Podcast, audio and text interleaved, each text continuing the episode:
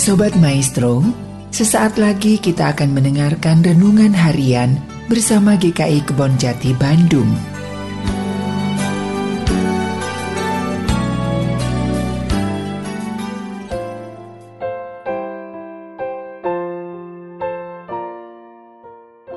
Shalom Bapak Ibu dan Saudara-saudari yang terkasih di dalam Tuhan Yesus Kristus. Tema hari ini adalah Reject the Small. Bacaan terambil dari 1 Samuel pasal yang ke-17 ayat yang ke-28 demikian. Dan pada siapakah kau tinggalkan kambing domba yang dua tiga ekor itu di padang gurun? Demikianlah firman Tuhan. Ucapan ini diucapkan oleh kakak Daud yang tertua, yaitu Eliab tentang bagaimana keadaan Daud pada waktu itu. Daud yang kecil dan saat itu ia sedang mengembalakan domba yang jumlahnya dua, tiga ekor. Dan Daud yang tidak mempunyai pengalaman perang, Daud yang memulai segala sesuatu dari yang kecil.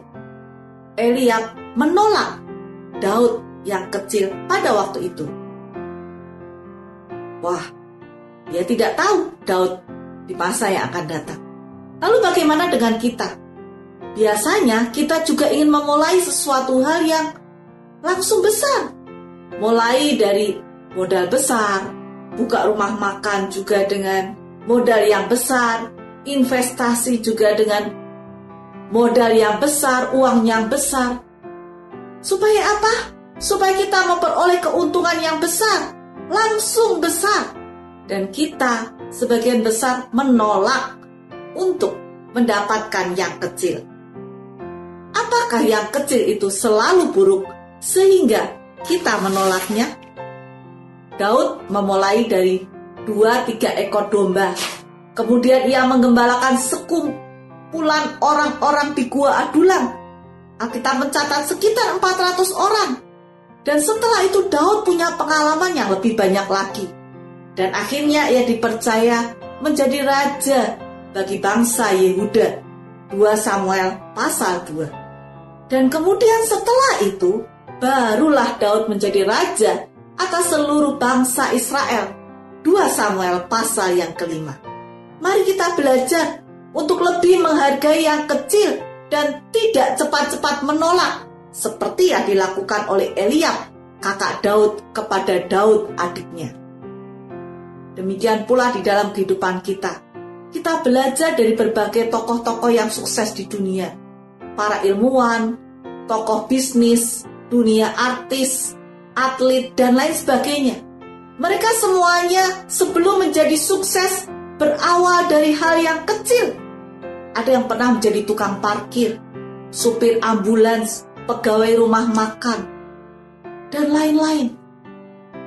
Dan mereka sebelum mereka sukses, mereka tidak menolak menjalani masa-masa di mana mereka merintis atau mereka memulai dari yang kecil. Mereka taat di dalam proses Tuhan dan akhirnya berhasil.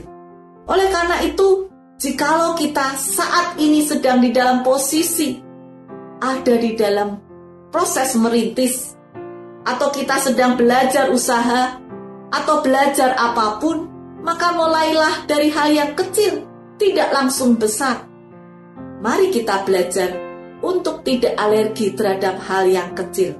Setialah di dalam berproses, Tuhan akan menolong kita untuk semakin hari semakin lebih baik. Kita semakin lebih kaya, kita semakin lebih bijak di dalam pengalaman hidup, sampai pada suatu saatnya nanti Tuhan akan menjadikan kita usaha kita menjadi lebih besar. Tuhan memberkati kita. Amin.